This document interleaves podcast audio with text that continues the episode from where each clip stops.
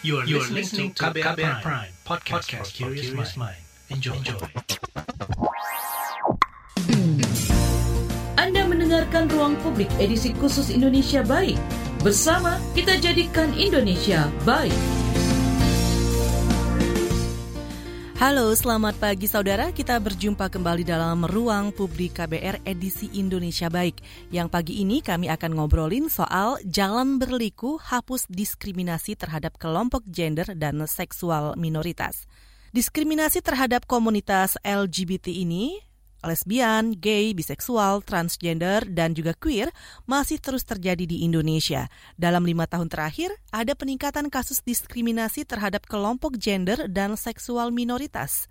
Nah, Arus Pelangi, lembaga swadaya masyarakat yang fokus pada advokasi hak LGBTQ, mencatat berbagai tindakan diskriminasi itu, mulai dari perundungan hingga pembunuhan. Karena itu, berbagai upaya untuk menghapus diskriminasi dan meruntuhkan stigma terhadap kelompok gender dan seksual minoritas harus terus dilakukan. Di tahun ini, peringatan Hari Internasional Melawan Homofobia, Transfobia, dan Bifobia mengangkat tema Together – resisting, supporting, dan healing, atau bersama, melawan, mendukung, dan juga menyembuhkan. Nah, di ruang publik edisi Indonesia Baik pagi ini, kami akan mendengarkan upaya-upaya yang dilakukan untuk menghapus diskriminasi ini. Sudah bersama kami pagi hari, pagi hari ini ada Lini Zurlia, aktivis queer feminis. Selamat pagi Mbak Lini. Selamat pagi. Ya, selain Mbak Lini ada juga Ananius Donatus Rure, Koordinator Advokasi Institut Hak Asasi Perempuan. Halo, Mas Ananius. Halo, selamat pagi. Selamat pagi. Nah, Mbak Lini, kalau kita lihat ini momentum Hari Internasional Melawan Homofobia, Transfobia, dan Bifobia, Apakah ini juga bisa digunakan untuk mengingatkan kembali masyarakat akan diskriminasi yang masih terus dialami teman-teman kelompok gender dan seksual minoritas menurut Anda?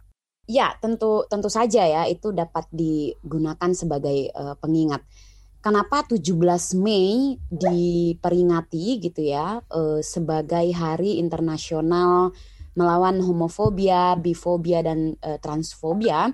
17 Mei ini sebenarnya merujuk pada um, ketet, uh, ketetapan um, UN WHO begitu ya, uh, ketetapan WHO yang mengeluarkan homoseksualitas uh, dalam kategori mental illness atau penyakit gangguan jiwa pada tahun 1990.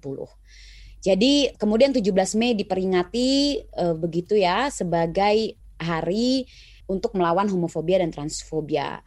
Kenapa? Karena biasanya homofobia, bifobia, transfobia itu dilandaskan pada anggapan atau um, stigma bahwa seseorang dengan orientasi seksual homoseksual atau seseorang dengan identitas gender transgender itu adalah orang-orang yang mengalami gangguan uh, atau orang-orang yang uh, sakit begitu ya secara mental.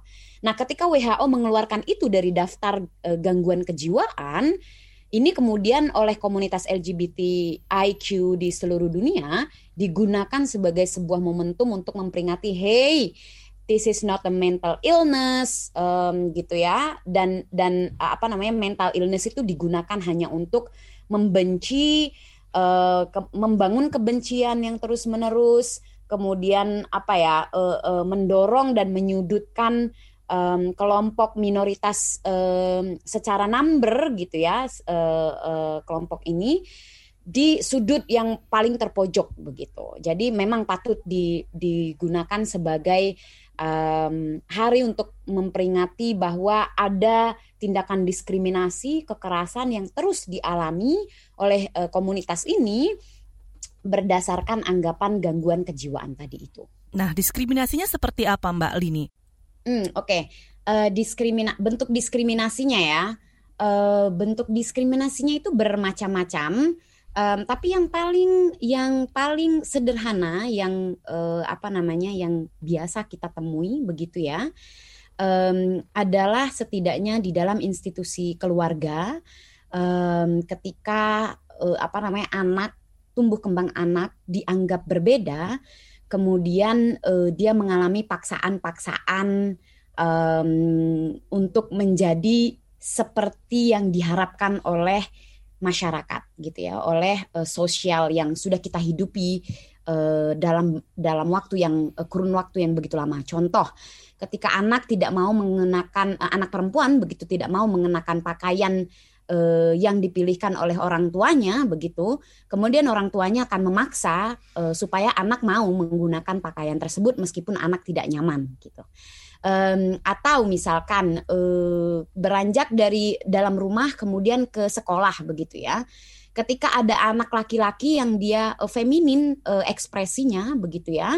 Um, kemudian tak urung gitu teman-teman di sekolahnya atau bahkan guru di sekolahnya bisa uh, merundung anak yang memiliki ekspresi feminin tersebut dengan mengatakannya sebagai uh, bencong lah, banci lah atau uh, atau uh, uh, apa namanya rundungan-rundungan lain yang tujuannya adalah untuk mendegradasi tingkat kemanusiaan uh, anak tersebut gitu. Itu adalah contoh-contoh yang sederhana yang banyak kita temui. Hmm. Oke, itu hal kecil ya. Kadang memang uh, ada sebagian orang yang sudah menunjukkan sikap seperti tadi dari masa dia sekolah gitu ya. Kalau masa sekolah itu kan mudah banget anak-anak sekolah yang merundung gitu ya Mbak ya atau membuli gitu. Nah kalau untuk uh, Mas Ananius atau Mas Nando, kalau dari teman-teman di IHAP sendiri, ini upaya-upaya apa nih yang sudah dan akan dilakukan untuk mendorong hilangnya diskriminasi terhadap kelompok gender dan seksual minoritas ini secara umum, Mas? Oke, Uh, jadi kalau untuk upaya yang sudah kita lakukan, karena memang kita uh, bekerjanya bersama teman-teman muda gitu, teman teman-teman remaja di tiga tiga wilayah di Nusa Tenggara Timur, di Kota Kupang sendiri, di Kabupaten Timur Tengah Utara dan Kabupaten Manggarai Barat. Kita yang pertama itu lewat edukasi gitu. Nah sebenarnya kita tuh punya kelompok-kelompok uh, anak muda gitu yang memang kita uh, bersama anak-anak muda ini kita uh, diskusi rutin nih terkait dengan uh, keberagaman gender gitu dan kita punya satu pola yang kita anggap cukup uh, cukup berhasil gitu adalah dengan pola pendidikan kritis gitu yang bermuara adalah uh, kita mengajak teman-teman teman-teman muda ini untuk melihat manusia dan memperlakukan manusia selayaknya manusia gitu uh, dan itu uh, selain edukasi yang sudah kita berikan juga nah uh, kebetulan kita uh, fokusnya ke pemenuhan hak kesehatan seksual reproduksi. Nah, sebenarnya ini beririsan dengan uh, kekerasan berbasis gender dan seksualitas. Nah, kita juga akhirnya masuk ke teman-teman uh, penyedia layanan, khususnya teman-teman uh, petugas layanan kesehatan gitu. Uh, selain petugas layanan kesehatan, kita juga uh, apa bekerja bersama terkait uh, KB, uh, apa untuk uh, mengedukasi terkait keberagaman gender ini dengan pihak-pihak uh, seperti guru di sekolah dan dengan kita dan juga stakeholder-stakeholder uh, kita atau pemegang kebijakan di pemerintahan uh, kita juga bekerjasama dengan dinas uh, sosial, dengan disduk capil, uh, dengan bapeda dan juga uh, dengan dinas pendidikan provinsi gitu. Jadi memang kita uh, kerjasama lintas sektor gitu untuk uh, bagaimana sih agar uh, apa sosialis uh, kampanye terkait dengan stop diskriminasi uh, terhadap dalam bentuk apa pun ini bisa terselesaikan gitu. Tapi memang fokus kita adalah ke teman-teman muda yang nantinya akan meneruskan ini ke depannya. Gitu. Apa tanggapan mereka, Mas? Gampang nggak mereka menerimanya atau mungkin ada tantangannya? Uh, kalau bilang gampang atau gimana gitu ya. Uh, Sebenarnya ini susah-susah gampang gitu ya. Uh, kita uh, ngomongin soal keberagaman gender gitu ya, uh, masuk ke dalam orang-orang uh, yang baru gitu, di mana memang apa ya? Sebenarnya ini dialami kalau menurut, menurut saya bukan cuma di NTT tapi di seluruh di, di Indonesia gitu. Artinya bahwa uh, norma dan nilai masyarakat yang ada secara umum itu dalam tafsiran agama, dalam tafsiran budaya sudah sudah berakar secara turun temurun. Yang mereka tahu adalah bahwa yang normal itu adalah laki-laki dan perempuan gitu. Selain dari itu, mereka akan menganggapnya itu tidak normal gitu. Dan bahkan itu mungkin uh, di NTT sendiri agamanya kuat sekali di mana dalam Alkitab pun dipertegas bahwa ya yang yang normal itu laki-laki dan perempuan selain itu tidak gitu. Dan di saat kita berbicara dengan pemegang kebijakan artinya orang-orang yang sudah dengan pendidikan yang sangat uh, tinggi bahkan mereka melihat bahwa iya dalam prinsip kami yang normal itu cuma laki-laki dan perempuan. Nah uh, sebenarnya ini menjadi kesus apa ya sedikit di awal gitu menjadi kesulitan kita untuk masuk gitu untuk untuk um, apa ya untuk menyatakan kepada mereka bahwa tidak loh masih ada yang lain gitu nah itu sebenarnya di awal itu sulit gitu tapi bagaimana kita pendekatan secara kemanusiaan gitu bahwa ayo kita melihat mereka sebagai manusia gitu. Tidak ada tidak tidak ada siapa pun yang mau dilahirkan seperti itu.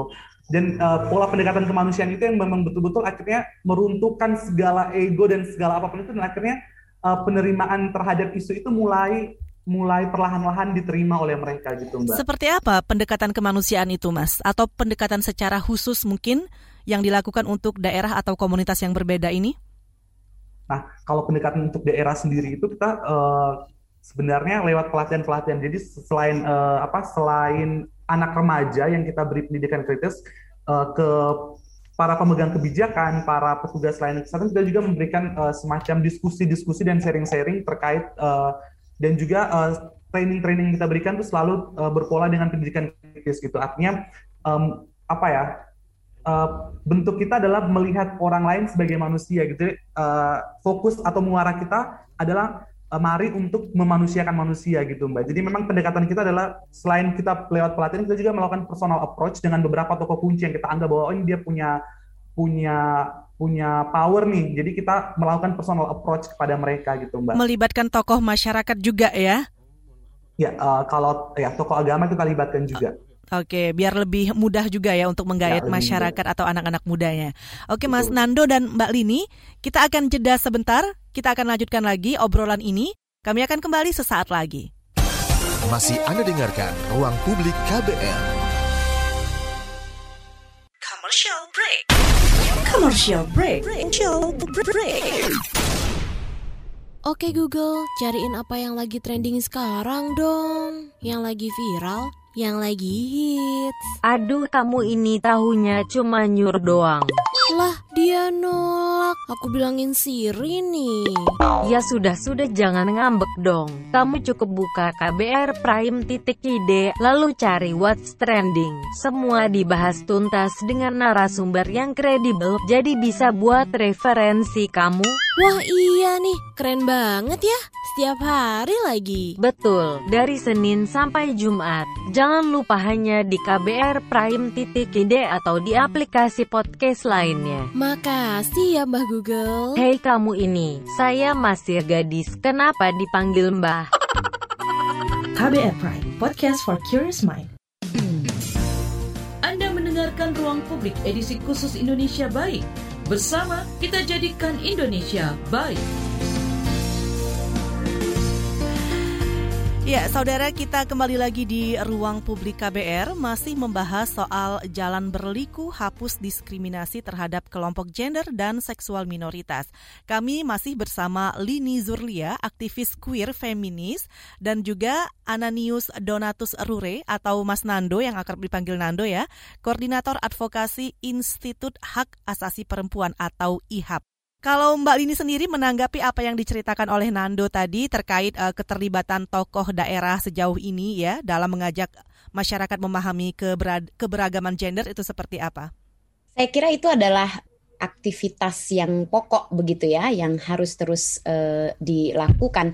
Apa yang dilakukan oleh Nando dan kawan-kawan di sana begitu um, itu juga banyak dilakukan oleh kawan-kawan di uh, tempat lain um, ini mengingat masyarakat kita masih sangat mendengar apa yang dikatakan oleh tokoh tokoh-tokoh kunci di, di di masyarakat kita ya. Baik itu tokoh agama ataupun uh, seseorang yang ditokohkan begitu ya ketua RT lah uh, atau kalau sekarang itu ada um, anggota uh, apa tuh namanya BPD lah begitu ya. Jadi engage dengan mereka ini adalah uh, hal yang uh, sangat mempengaruhi uh, berkembangnya misi untuk mengakhiri uh, tindak kekerasan, tindak diskriminasi berbasis uh, orientasi seksual dan uh, identitas gender. Um, sa uh, uh, kawan Nando juga mungkin familiar begitu ya uh, dengan um, apa yang dilakukan oleh Bunda Mayora di uh, Maumere uh, hari ini gitu. Yang uh, dilakukan oleh um, kalau kita engage dengan tokoh eh, apa namanya tokoh-tokoh masyarakat begitu Bunda Maumere seorang waria begitu ya seorang transpuan yang hari ini menjadi salah satu anggota PPD di eh, salah satu desa di Maumere sana um, itu juga menjadi kunci gitu. Jadi selain engage dengan tokoh yang di luar daripada komunitas uh, LGBTIQ, bagaimana juga bisa mendorong uh, komunitas ini juga menjadi bagian daripada uh, tokoh masyarakat tersebut gitu.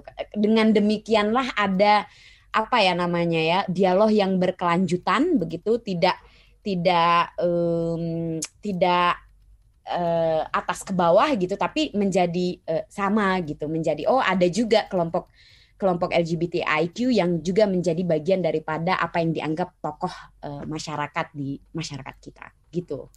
Nah, berkaitan dengan hak mendapatkan pekerjaan ini ya untuk kelompok uh, gender dan seksual minoritas ini, bagaimana dengan masyarakatnya sendiri uh, untuk apa berusaha atau berjuang dan bagaimana penerimaan masyarakat terhadap mereka? Ya, untuk isu ketenaga kerjaan ya atau isu um, um, apa namanya kerja gitu ya bagi uh, kelompok ini. Pertama karena sudah ada stigma uh, bahwa uh, kelompok um, lesbian, gay, bisexual, transgender, um, queer ini adalah kelompok yang dianggap sakit dalam tanda kutip begitu ya. Nah, stigma inilah yang kemudian menempatkan mereka di dalam apa namanya sudut gitu, sehingga um, karena sudah mengalami stigma dan sudah disudutkan, akses terhadap pekerjaan pun tentu saja menjadi uh, sulit. Sehingga tidak uh, apa namanya um, sudah gimana ya udah nggak aneh gitu. Kita kita menemukan gimana teman-teman waria teman-teman trans pria begitu ya. Um, itu kemudian tidak dapat mengakses tempat kerja formal karena tadi sudah ada beban stigma di pundak mereka. Ketika sudah ada beban stigma, itu pasti akses terhadap e, pekerjaan juga terkendala. Bukan hanya akses pekerjaan, tetapi juga akses-akses yang lainnya, akses kesehatan, pendidikan dan seterusnya dan seterusnya gitu ya. Nah, bagi teman-teman yang e, e, lesbian dan gay, e, mungkin banyak di antara mereka yang bisa menyembunyikan identitas tersebut karena dia nggak kelihatan gitu secara gitu ya. fisik ya secara fisik sehingga mereka masih bisa me, apa secara diam-diam mengakses begitu ya.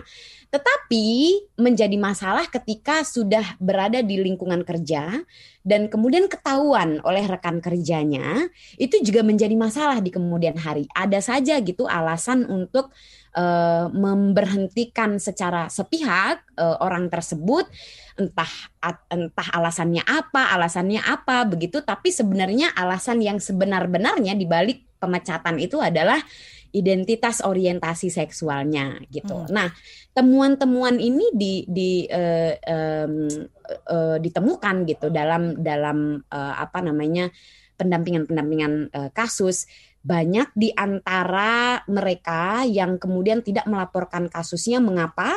karena ketika mereka melaporkan kasus tersebut maka ada beban ada persoalan lain yang mereka akan hadapi. Apa itu? Um, berhadapan dengan keluarga. Nggak mudah tentunya. Bayangkan saja lo dipecat dari tempat kerja alasannya sebenarnya ini. Kemudian lo kehilangan pekerjaan harus melaporkan berhadapan lagi dengan keluarga berhadapan lagi dengan lingkungan yang lebih luas it's never easy gitu kan hmm. jadi banyak kemudian yang memilih untuk tidak uh, melaporkannya. Yeah. Sehingga ya itu tadi akses terhadap pekerjaan itu benar-benar um, sulit. Ada pagar-pagar pembatasnya ya. Seperti yang kita dengar juga ada anggota kepolisian juga yang dipecat juga dari pekerjaannya. Betul. Nah, Bunda Mayora atau Bunda Maumeri tadi yang disebut Mbak Lini itu berarti hebat juga perjuangannya ya. Dia malah bisa diterima sebagai pegawai negeri sekarang dan Bunda Mayora ini juga mungkin yang ikut mendampingi komunitas apa? Teman-teman dari IHAP juga ya Nando ya? Oh enggak ya? Ikut ya, juga enggak? Karena kan sama-sama uh, tinggal di Kupang juga. Uh, kalau oh, mau mirip itu kabupaten oh, berbeda dan oh iya, wilayah oh iya, iya. berbeda ya. Tapi tapi satu provinsi kirain bisa sama gitu. Tapi kenal ya Nando kenal, kenal. dengan gebrakan Bunda Mayora ini. Nah kalau untuk Nando sendiri seperti apa teman-teman terutama di NTT melihat keterlibatan Bunda Mayora yang terlibat dalam pelayanan publik di sana? Apakah hal seperti ini digunakan untuk terus uh, mengkampanyekan hak bekerja untuk teman-teman seksual minoritas? Um, sebenarnya ini suatu apa ya gebrakan baru dan suatu yang menurut kita sangat luar biasa gitu. Karena memang uh, apa ya uh, satu hal yang saya banggakan dari NTT adalah uh, toleransi kita sangat tinggi gitu. Dan uh, memang kita tidak terlalu banyak mendapatkan informasi terkait keberagaman gender tetapi kita hati nurani kita tuh masih sangat digunakan gitu di NTT artinya uh, masyarakat di NTT tuh sekarang sudah lebih banyak dari dari kejadian Bunda Mayora ini mereka sudah lebih banyak melihat apa yang dipunyai pot, uh, mereka lebih banyak melihat potensi bukan lagi orientasi gitu. Dan uh, sebenarnya uh, itu merambah di di daerah Kupang sendiri sih ada juga beberapa uh, transpuan gitu yang uh, contohnya bekerja sebagai kasir gitu di uh, minimarket gitu. Dan uh, maksud artinya bahwa masyarakat kita sudah melihat uh, potensi yang dimiliki teman-teman tuh apa gitu, tidak lagi orientasinya gitu dan uh, lebih melihat menggunakan hati sih kalau saya mau bilang uh, satu hal yang saya banggakan dari masyarakat Nusa, Nusa Tenggara Timur adalah itu, mereka lebih menggunakan hati ketimbang yang lain gitu. Mm-hmm. Apa tantangannya untuk mencapai apa yang diinginkan, Mas? Dari siapa dan bentuknya seperti apa? Uh, kalau tantangan ta- kalau tantangan sebenarnya itu adalah uh, pertama dari hasil beberapa sharing kita dengan teman-teman adalah dari teman-teman uh, teman-teman uh, minoritas sendiri gitu. Muncul dari mereka yang artinya bahwa uh, mereka belum menerima diri mereka gitu. Dan uh, ya kita pun tidak bisa memaksakan mereka untuk harus ini gitu harus itu gitu. Dan artinya ya ini berproses. Kita selalu mendampingi mereka dalam personal approach dengan mereka kita selalu mendampingi mereka. Satu kunci kita adalah bahwa saat kamu ingin melebarkan sayap ke dunia luar, kamu harus bisa menerima diri kamu dulu gitu. Sebenarnya tantangan terberat adalah itu gitu. Da, uh, belum ada penerimaan diri dari, dari teman-teman. Dan yang kedua adalah yang seperti saya katakan tadi bahwa nilai dan norma yang yang masih mengakar kuat gitu terkait normal dan tidak normal itu, Mbak. Itu menjadi tantangan kita juga sih. Mm -hmm. Nah, Uh, tadi kan uh, juga Nando memberikan apa uh, mengajak atau memberikan penjelasan keberagaman ini untuk anak sekolah juga ya Nando ya. Nah, ini kan anak sekolah kan kadang masih labil gitu pikirannya belum belum apa ya katakanlah ya belum dewasa gitu. Masih yang ah masa sih begini-begini. Bagaimana untuk meraih generasi muda ini gitu agar bisa uh, lebih merangkul lagi soal keberagaman ini?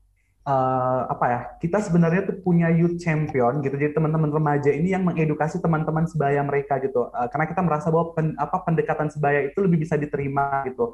Nah uh, youth champion kita ini yang kita kasih apa yang kita berikan apa berikan informasi yang betul-betul komprehensif gitu terkait dengan keberagaman gender bagaimana cara mereka menyampaikan ke teman-teman sebaya dan metode yang kita gunakan adalah penyampaian uh, secara kemanusiaan dan dari hati ke hati gitu. Dan uh, menurut menurut kita pribadi itu metode yang cukup ampuh sampai saat ini sehingga remaja kelas 1 SMA pun uh, yang kita edukasi mereka sudah bisa menerima itu gitu. Dan uh, dulu gitu di saat ada teman mereka yang uh, membuli contohnya bertemu teman-teman uh, yang teman-teman cowoknya yang mungkin uh, sedikit feminim gitu ekspresinya um, ada beberapa perubahan yang kayak di saat mereka melihat teman-teman mereka uh, teman-teman laki-laki mereka yang sedikit feminim itu sudah mulai berkurang gitu kayak tidak lagi membuli tidak lagi yang uh, kayak apa lu cowok kok gitu gitu. Jadi itu sudah perlahan-lahan mulai menghilang gitu di untuk sekolah dan dampingan kita itu kayak itu capaian menurut kita sudah sangat luar biasa gitu mbak. Di sekolah yang ada di Maumere gitu ya? Di, uh, di kota Kupang oh di kota Kupang. Oh ya ya maaf di kota Kupang, Kupang maksudnya. TPU sama Manggarai Barat. Udah lumayan juga cakupannya ya? Oke, baik Mas Nando dan Mbak Lini, kita akan lanjutkan kembali perbincangan kita ini masih soal jalan berliku hapus diskriminasi terhadap kelompok gender dan seksual minoritas. Kami akan kembali sesaat lagi. Anda mendengarkan Ruang Publik edisi khusus Indonesia Baik. Bersama kita jadikan Indonesia baik. Terima kasih untuk Anda yang masih setia di ruang publik KBR. Kami membahas soal jalan berliku hapus diskriminasi terhadap kelompok gender dan seksual minoritas. Kami masih berbincang bersama Lini Zurlia, aktivis queer feminis, dan Ananius Donatus Rure, koordinator advokasi Institut Hak Asasi Perempuan atau IHAP, atau yang akrab dipanggil Mas Nando ya. Nah, Mbak Lini dan Mas Nando, kita akan membacakan beberapa uh, WhatsApp, juga ada chattingan di YouTube ya terkait uh, perbincangan kita ini. Ini ada dari oh dari ini dari via YouTube ya, dari Randy Siregar. Nah, ini kata Randy, tidak hanya dicap sakit, kadang ada yang kocak sampai teman LGBTQ dibawa ke paranormal. Ini karena masyarakat kurang edukasi. Gimana sih peran pemerintah seharusnya untuk meminimalisasi diskriminasi, Mbak Lini? Terima kasih Randy. Um, ya, dibawa ke paranormal itu maksudnya adalah upaya untuk apa yang kita sebut sebagai um, hang on. Dulu kita menyebutnya sebagai conversion eh, terapi atau terapi konversi gitu ya. Um, tapi sebenarnya itu bukan konversi terapi melainkan upaya um, apa namanya pemaksaan untuk kembali untuk menjadi heteroseksual gitulah ya. Uh, um, nah, upaya pemaksaan uh, itu bisa dilakukan dengan cara yang berbeda-beda. Nah, di Indonesia memang Indonesia dan Malaysia ya karena punya apa namanya uh, semacam kayak punya praktek yang yang uh, bersama sama gitu. Um, salah satunya adalah dengan uh, exorcism itu terapi exorcism dibawa ke paranormal lah, dibawa ke ke katanya ustadz lah gitu ya, kemudian dirukiah lah gitu ya supaya dia bisa uh, kembali menjadi uh, heteroseksual gitu atau kembali menjadi cisgender gitu. Uh, nah, gimana peran uh, pemerintah? Seharusnya ya praktek-praktek terapi konversi ini sebenarnya sudah dimasukkan atau dikategorikan sebagai kategori torture um, oleh uh, eh, UN dan uh, eh, WHO begitu ya, dia tidak boleh di, di uh, apa namanya, tidak boleh diimplementasikan, tidak boleh dipraktekkan. Uh, um, nah, akan tetapi banyak negara-negara yang masih belum mengadopsi ini begitu, uh, begitu juga dengan uh, Indonesia. Bayangkan saja sebenarnya secara sederhananya adalah begini. Bayangkan saja seseorang yang heteroseksual kemudian dipaksa dirukiah menjadi homoseksual. Itu mau di setrum kayak pakai listrik, mau dirukiah kayak ribuan kali, ya kalau dia hetero tetap aja hetero. Dan bayangkan itu terjadi sebaliknya gitu ya. Jadi um, apa yang dialami oleh Alan Turing years uh, uh, uh, apa puluhan tahun yang yang lalu begitu ya. Um, electric shock, uh, kemudian um, berbagai terapi untuk membuat Alan Turing menjadi heteroseksual gitu. Itu nggak berhasil gitu. Nah praktek-praktek yang dialami oleh Alan Turing itu masih ada dan masih dilakukan hari ini dan dia berkembang tidak hanya eh, eh, tidak hanya dilakukan dengan cara-cara yang seperti itu ya electric shock begitu tetapi juga dilakukan dengan eh, pendekatan-pendekatan yang paranormal tadi itu pendekatan-pendekatan rukyah atau pendekatan-pendekatan eh, exorcism itu tadi. Pemerintah sebenarnya bisa menghentikan ini dengan membuat sebuah kebijakan melarang praktek-praktek uh, exorcism atau praktek-praktek terapi konversi. Sayangnya pemerintah tidak melakukan itu, namun malah menjadi bagian daripada yang ingin melanggengkan, menginstitusionalisasikan terapi konversi tersebut. Saya ingin memberi contoh secara konkret. Um, Kabupaten Cianjur pada November 2020 kemarin baru saja mengeluarkan sebuah peraturan e, daerah begitu ya. Peraturan daerah bunyinya apa? Peraturan daerah e, penanggulangan penyimpangan seksual. Salah satu ayat yang di e, salah satu pasal-pasal di dalamnya adalah bagaimana e, e, provinsi dan kabupaten mengalokasikan dana untuk supaya uh, kabupaten mempunyai institusi rehab, rehabilitasi di mana orang-orang LGBTIQ bisa dilaporkan baik oleh anggota keluarganya maupun oleh RT RW setempat dan kemudian dibawa ke pusat rehabilitasi tersebut untuk dalam tanda kutip disembuhkan um, itu ada perdanya dan baru saja di, di, disahkan uh, gitu ya, diketok gitu ya November tahun kemarin. Kita kecolongan banget nih. Serupa dengan yang kemarin sebenarnya oleh uh, Kota Depok ingin lakukan ya. Nah ini merambat ke mana-mana. Setelah Cianjur, sekarang yang dalam proses penggodokan adalah Kota Bogor. DPRD Kota Bogor juga sedang melakukan upaya yang serupa. Copy paste daripada si Perda Cianjur tersebut dia ambil, dia pindahkan ke Kota Bogor persis plek ketiplek gitu ya. Dan sekarang dalam eh, apa namanya? dalam upaya penggodokan gitu ya eh, si eh, rancangan eh, Perda ini. Nah, saya mau bilang apa dalam dalam kasus ini? Saya mau bilang bahwa pemerintah, institusi negara, wakil rakyat gitu ya, join in hand, join in force dalam melakukan tindak kekerasan dan diskriminasi terhadap siapa? warga negaranya sendiri yang memiliki orientasi seksual dan identitas gender yang berbah uh, yang berbeda.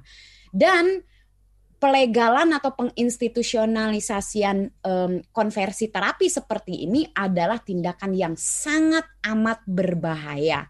Meskipun jumlahnya sedikit, meskipun warga negaranya sedikit, sedikitnya kalau mau dihitung secara numbers gitu ya, tapi tetap mereka adalah pertama manusia, mereka adalah warga negara yang sudah sepatutnya oleh negara dilindungi, dipenuhi haknya. Kita nggak pernah milih untuk terlahir di Indonesia menjadi warga negara Indonesia, menjadi lesbian, menjadi gay, menjadi transgender, menjadi waria. Nggak pernah milih gitu. Kalau boleh milih sih saya juga nyesel lahir di Indonesia ya kan. tapi tapi ya gimana gitu udah takdir nih eh, kira-kira gitu. Jadi harus nah, ada komunikasi juga ya harusnya dari pemerintah ke orangnya langsung yang dituju. Benar. Supaya bisa bener mendapatkan Jadi, satu uh, kemufakatan seperti apa sebaiknya. Benar. Okay. Nah ini ini uh, yang dilakukan oleh uh, pemerintah kita nih saat ini. Baik. Nah ini selanjutnya ada juga dari Charles Herlambang yang mengirimkan via YouTube kami. Ini untuk ke Mas Nando nih, sepertinya ini saya punya teman laki-laki, dia ahli menari, tapi sampai sekarang masih dipandang sebelah mata sama keluarganya. Kata keluarganya itu menye-menye. nah, model seperti ini yang harus disikapi secara dewasa menurut Charles. Nah, bagaimana Nando? Seharusnya orang tua memberikan kebebasan hak pendidikan, hak bermain, dan juga hak bekerja untuk anak-anaknya agar bisa memilih apa yang diminati. Nah, uh, apa ya? Kalau kembali ke orang tua. Ini menurutku ini juga uh, sedikit ribet ya mbak gitu. Karena uh, emang kita nggak bisa salah ini. Mungkin ini udah, udah ada dari dulu gitu. Artinya bahwa uh, yang di masyarakat kita tahu bahwa kalau yang kayak nari kalau uh, kalau dance itu adalah perempuan laki-laki nggak boleh gitu. Nah uh, gimana sih untuk masuk uh, untuk apa memberitahukan ke orang tua terkait uh, bahwa ini siapa pun boleh gitu. Tidak tidak harus uh, tidak harus uh, jenis kelaminnya apa. Tapi ini menjadi hal yang sulit juga sih Mbak menurutku bahwa uh, untuk memberitahukan orang tua terkait ini gitu. Tapi uh, bagaimana sedini mungkin kita untuk uh, mengedukasi juga orang tua gitu terkait dengan uh, uh, apa isu gender ini gitu. Dan itu sudah kita lakukan di NTT gitu. Kita kemarin um, beberapa kelompok orang tua gitu, kita sudah mencoba dan uh, memang awalnya sulit gitu, banyak protes gitu yang di mana uh, lah kan tidak bisa kalau laki-laki itu kan harus main bola gitu. Kalau laki-laki itu harus main volley kalau e, memasak mencuci itu harus tugasnya perempuan gitu. E, jadi itu memang awalnya masih ada penolakan yang sangat luar biasa sih mbak dari orang tua gitu. Tapi e, bahwa ini bukan kerja yang yang singkat ini adalah perjuangan yang panjang gitu. Artinya kita juga mulai menyadarkan orang tua bahwa e, kamu sudah melahirkan di anak gitu kamu harus bertanggung jawab untuk apa pun gitu apa pun orientasinya itu adalah anak kamu gitu. Ya memang artinya aku bilang bahwa ini bukan suatu perjuangan yang yang mudah. Artinya ini kita terus terus terus dan terus gitu menyadarkan banyak pihak, termasuk orang tua ini gitu yang mempunyai anak ini gitu mbak. Mhm. Laki-laki nggak boleh nari, tapi mungkin dance boleh gitu ya. Kalau dance malah terlihat keren laki-laki. Hmm. Atau break dance gitu ya. Nah kalau dari teman-teman IHAP ini bagaimana agar kesetaraan ini bisa terwujud dan bagaimana fenomena pemaksaan di Kupang sendiri yang Mas Nando lihat? Um, sebenarnya kalau yang dari ceritanya Mbak uh, kali ini tadi sih kalau di Kupang dan di NTT pada umumnya tuh nggak terlalu terasa banget gitu yang kayak pemerintah mendiskriminasi tuh nggak terlalu terasa banget gitu. Hal ini tuh dibuktikan bahkan uh, kayak kemarin Mbak uh, apa Bunda Mayora itu kan sebenarnya pemerintah membuka ruang gitu secara tidak langsung kita melihat di situ gitu. Yang kedua kalau cerita pengalamanku sih di tiga kabupaten yang kita dampingi ini kan kita sudah menjelaskan ke pemerintah bahwa di pendidikan Kespro ini kita akan memasukkan materi tentang keberagaman gender gitu. Dan pemerintahnya sangat welcome ya udah MOU saja gitu uh, untuk uh, apa pengimplementasian uh, pendidikan kesehatan reproduksi ini gitu ke teman-teman di sekolah gitu ke komunitas uh, anak muda di Kota Kupang dan di kabupaten lainnya. Artinya bahwa uh, saya melihat ini sebagai suatu hal yang positif bahwa pemerintah sudah membuka ruang untuk ini. Mm-hmm. dan yang kedua uh, terkait dengan pelayanan kesehatan gitu uh, kita sempat meminta uh, bagaimana sih uh, para petugas kesehatan tidak lagi mendiskriminasi nih teman-teman uh, dengan uh, apa orientasi seksual berbeda. Contohnya gini, uh, pernah satu kejadian nih Mbak, uh, ada teman LSL gitu, PCT gitu ke salah satu uh, tempat pelayanan kesehatan gitu terus uh, hasilnya positif gitu. Harusnya sebagai petugas kesehatan yang profesional harusnya uh, ya kamu harus uh, kalau melakukan hubungan seksual harus menggunakan kondom ya. Uh, kalau kalau dia profesional sebagai seorang petugas kesehatan, tetapi yang diterima oleh salah satu teman kita adalah uh, itu dosa makanya kalau kamu laki-laki harus seksnya dengan uh, harus melakukan hubungan seksual dengan perempuan gitu. Dan ini kita bawa, kita angkat ke dinas kesehatan bahwa ini diskriminasi masih ada ibu gitu. Nah, apa yang apa yang akan kita lakukan bersama? Nah, akhirnya dinas kesehatan memberikan uh, kita IHAP ya udah kalau kalian punya uh, strategi atau metode untuk menghilangkan diskriminasi itu kami bilang kita punya pelatihan gitu. Pelatihan yang ramah terhadap teman-teman remaja dan juga uh, ragam identitas teman-teman remaja dan orang ragam identitas. Artinya dinas kesehatan memberikan kesempatan kita untuk untuk masuk gitu ke petugas kesehatan dan kalau dari saya pribadi sih kalau di pemerintahan kita cukup sedikit terbuka untuk uh, menerima dan mendukung untuk apa uh, penghapusan diskriminasi ini gitu Mbak. Kalau di, di daerah NTT gitu. Iya, berarti Pemda di Kupang sejauh ini sudah ramah gender ya, bahkan tidak mendiskriminasi kelompok seksual minoritas begitu ya? ya dan bahkan kalau ada teman-teman yang teman-teman transpuan yang kayak di kita punya taman nostalgia gitu ada teman-teman transpuan yang di situ tidak tidak kalau di luar kalau saya lihat kan diusir di, di kita tidak seperti itu dan bahkan petugasnya yang kayak menegur dengan ram. Jadi kayak saya melihat bahwa orang NTT itu masih punya hati gitu. Bahwa itu yang saya banggakan dari NTT itu gitu. Oke, Taman Nostalgia tadi namanya ya. Ya, Taman Nostalgia di Kupang. Baik, kita masih akan bernostalgia lagi, tapi sebelumnya kita akan jeda sebentar. Kami masih membahas soal jalan berliku hapus diskriminasi terhadap kelompok gender dan seksual minoritas. Kami kembali sesaat lagi. Masih Anda dengarkan Ruang Publik KBR. Commercial break. Commercial break. Commercial break. Ada kesedihan, air mata, dan trauma. Namun ada juga gelak tawa, bahagia, dan rasa bangga. Cerita kehidupan manusia adalah perjuangan dan pembelajaran. Pertanyaan dibalik itu secara psikologi, apakah dia punya niat membunuh? Kan belum tentu. Saya kaget ketika ada konflik sesama orang Madura sendiri mengatasnamakan aliran keagamaan.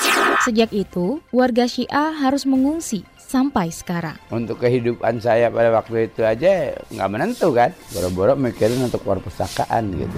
Saga, cerita tentang nama, peristiwa, dan fakta. Liputan khas KBR ini telah memenangkan berbagai penghargaan nasional dan internasional. Anda sedang mendengarkan program Saga Produksi KBR. Simak di program Buletin Pagi pukul 6 waktu Indonesia Barat, Buletin Sore pukul 16 waktu Indonesia Barat, dan KBR Pagi pukul 7 waktu Indonesia Barat. Dengarkan Saga di radio jaringan KBR di Nusantara atau streaming di kbr.id. Saga juga hadir dalam bentuk podcast di kbrprime.id. KBR Inspiratif Terpercaya. Anda mendengarkan Ruang Publik edisi khusus Indonesia Baik. Bersama kita jadikan Indonesia baik. Inilah bagian akhir ruang publik KBR. Kita membahas soal jalan berliku hapus diskriminasi terhadap kelompok gender dan seksual minoritas. Kami masih bersama Lini Zurlia, aktivis queer feminis dan juga Ananius Donatus Rure, koordinator advokasi Institut Hak Asasi Perempuan atau IHAP.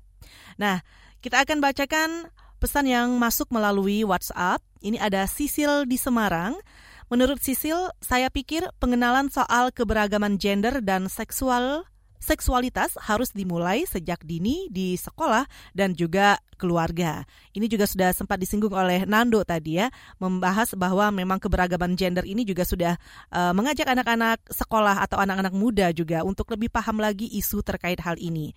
Juga ada Johan Manado, tahun lalu kita juga ingat ada prank bagi-bagi sembako kepada teman-teman transpuan.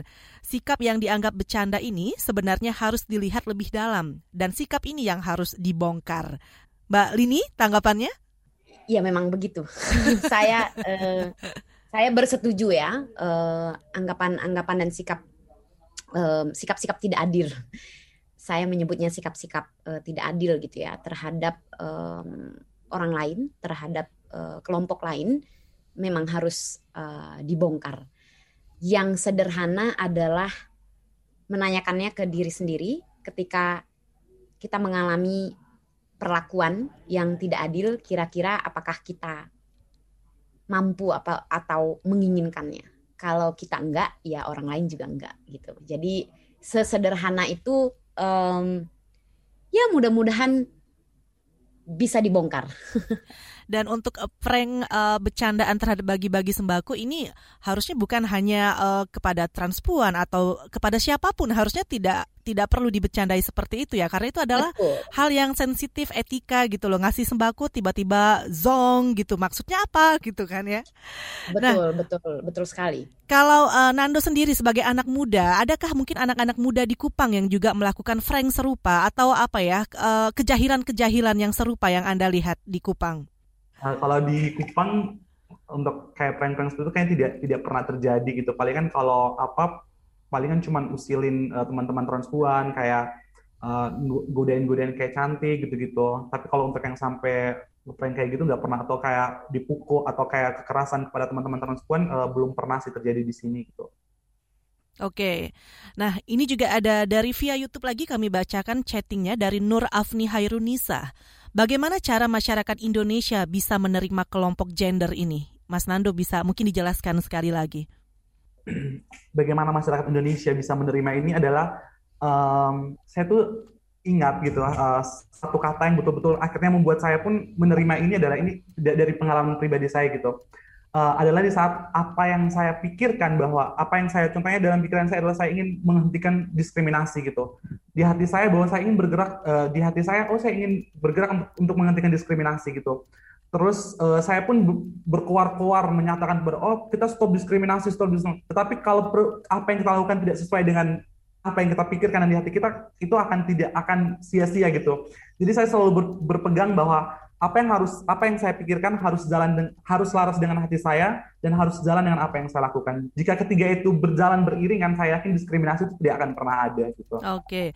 Nah, memang sih ini ya kalau secara keseluruhan kita masih sering melihat diskriminasi terhadap uh, kelompok uh, minoritas gender ini. Sebenarnya Mbak Lini, apa sih yang menyebabkan diskriminasi ini khususnya di Indonesia ya masih terus terjadi dan berulang? Ini bisa nggak sih di stop? Akar persoalannya adalah um, anggapan menganggap yang lain salah, yang ini benar, yang ini normal, yang itu tidak normal. Nah, eh, anggapan-anggapan ini yang kemudian mendorong pada kebencian-kebencian yang sebenarnya nggak berdasar ya kebencian-kebencian lo ngapain sih benci sama orang yang jangan-jangan dalam seumur hidup aja lo belum pernah temuin gitu kan banyak ya orang yang punya sentimen yang sangat negatif, tapi sebenarnya seumur hidupnya saja belum pernah bersentuhan, belum pernah mengenal langsung.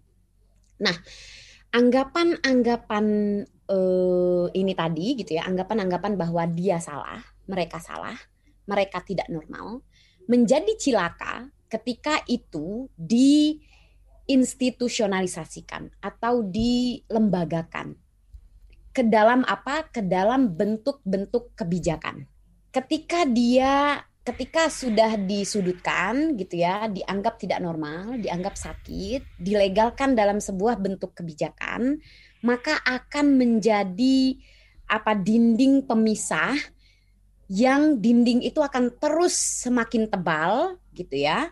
Dan ketika dia terus semakin tebal, dia sulit untuk dibongkar, dia sulit untuk dipecahkan. Uh, dan ketika dia sulit untuk dipecahkan dan dibongkar, ketika itulah dia akan terus-menerus berlangsung.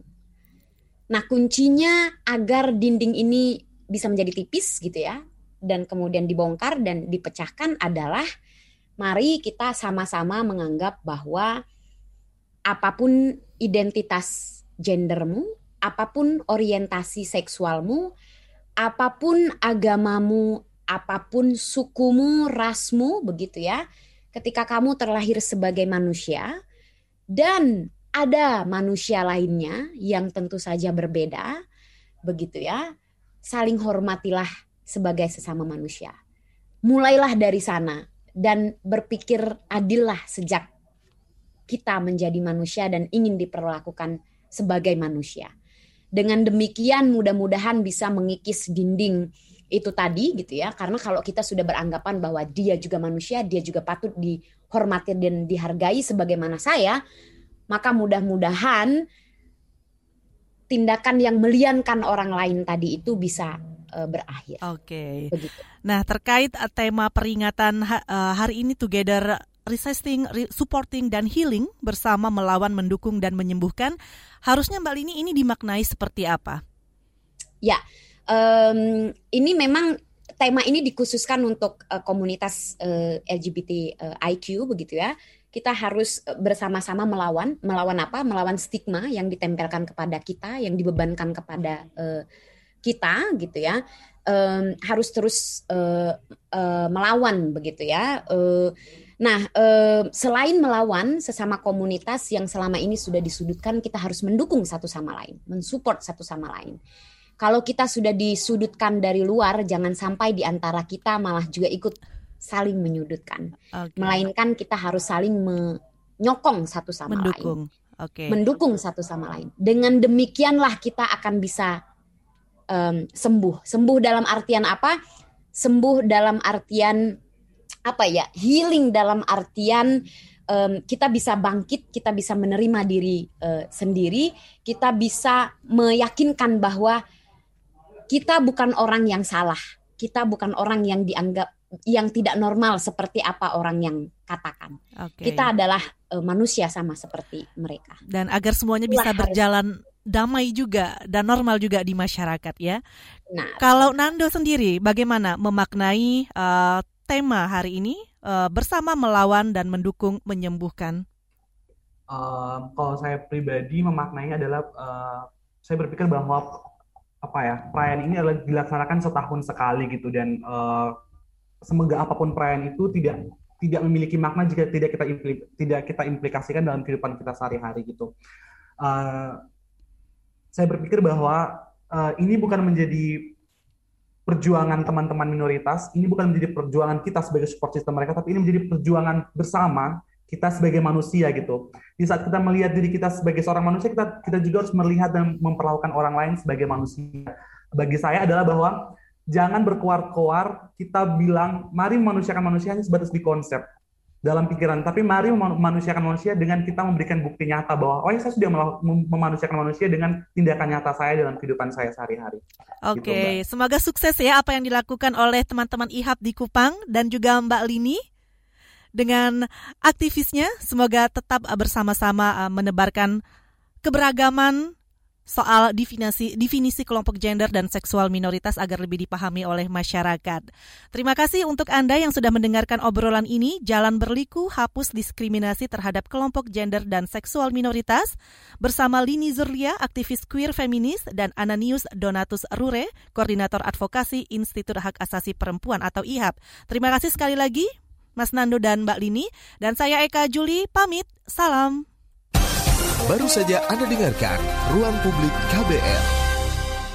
KBR Prime, cara asik mendengar berita. KBR Prime, podcast for curious mind.